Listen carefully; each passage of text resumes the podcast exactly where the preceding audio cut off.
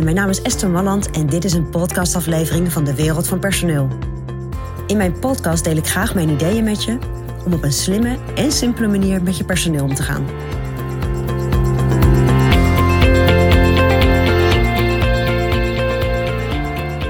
Nou, ontslag mag nooit een verrassing zijn voor je medewerker.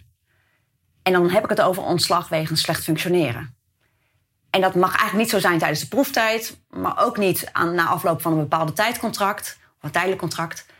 Maar helemaal niet natuurlijk als iemand al langer bij je werkt. Want op het moment dat je iemand gaat ontslaan wegens slecht functioneren en het wordt een verrassing, ja, dan heb jij wat fout gedaan. Dan heb je echt een fout gemaakt. Dossierop, uh, dossieropbouw begint eigenlijk al bij aanname. En we hebben het natuurlijk altijd over dossieropbouw op het moment dat je al niet meer zo tevreden bent over een medewerker. Maar ik ben ervan overtuigd dat op het moment dat jij vanaf het allereerste moment dat de medewerker bij jou binnenkomt, heel duidelijk bent over je verwachtingen. En daar met elkaar afspraken over maakt. En die afspraken ook ondertekent, maar gewoon officieel maakt. Van dit zijn mijn verwachtingen. Wat heb jij nodig om aan die verwachtingen te voldoen? Oké, prima, nou dan gaan we zo van start. Dat dat het, de start is van je dossieropbouw.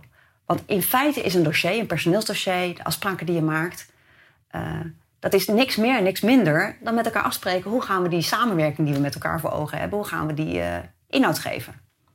Ja, en op het moment dat je iemand ontslaat en het is echt een verrassing, ja, dan, dan is dat dus niet goed gegaan.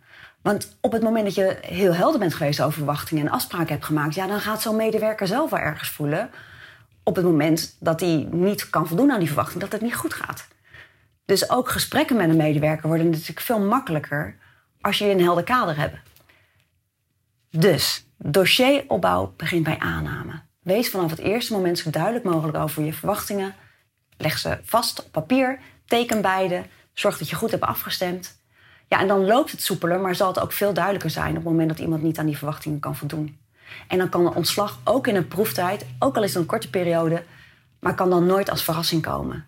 En dat is wel zo fijn voor jou, maar ook voor, natuurlijk voor, uh, voor de medewerker met wie, uh, met wie je dan te maken hebt.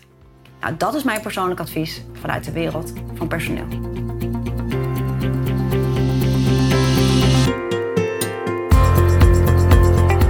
Wil je ontwikkelingen in de wereld van personeel blijven volgen?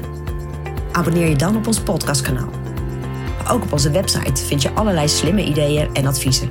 Dus kijk even rond op www.dewereldvanpersoneel.nl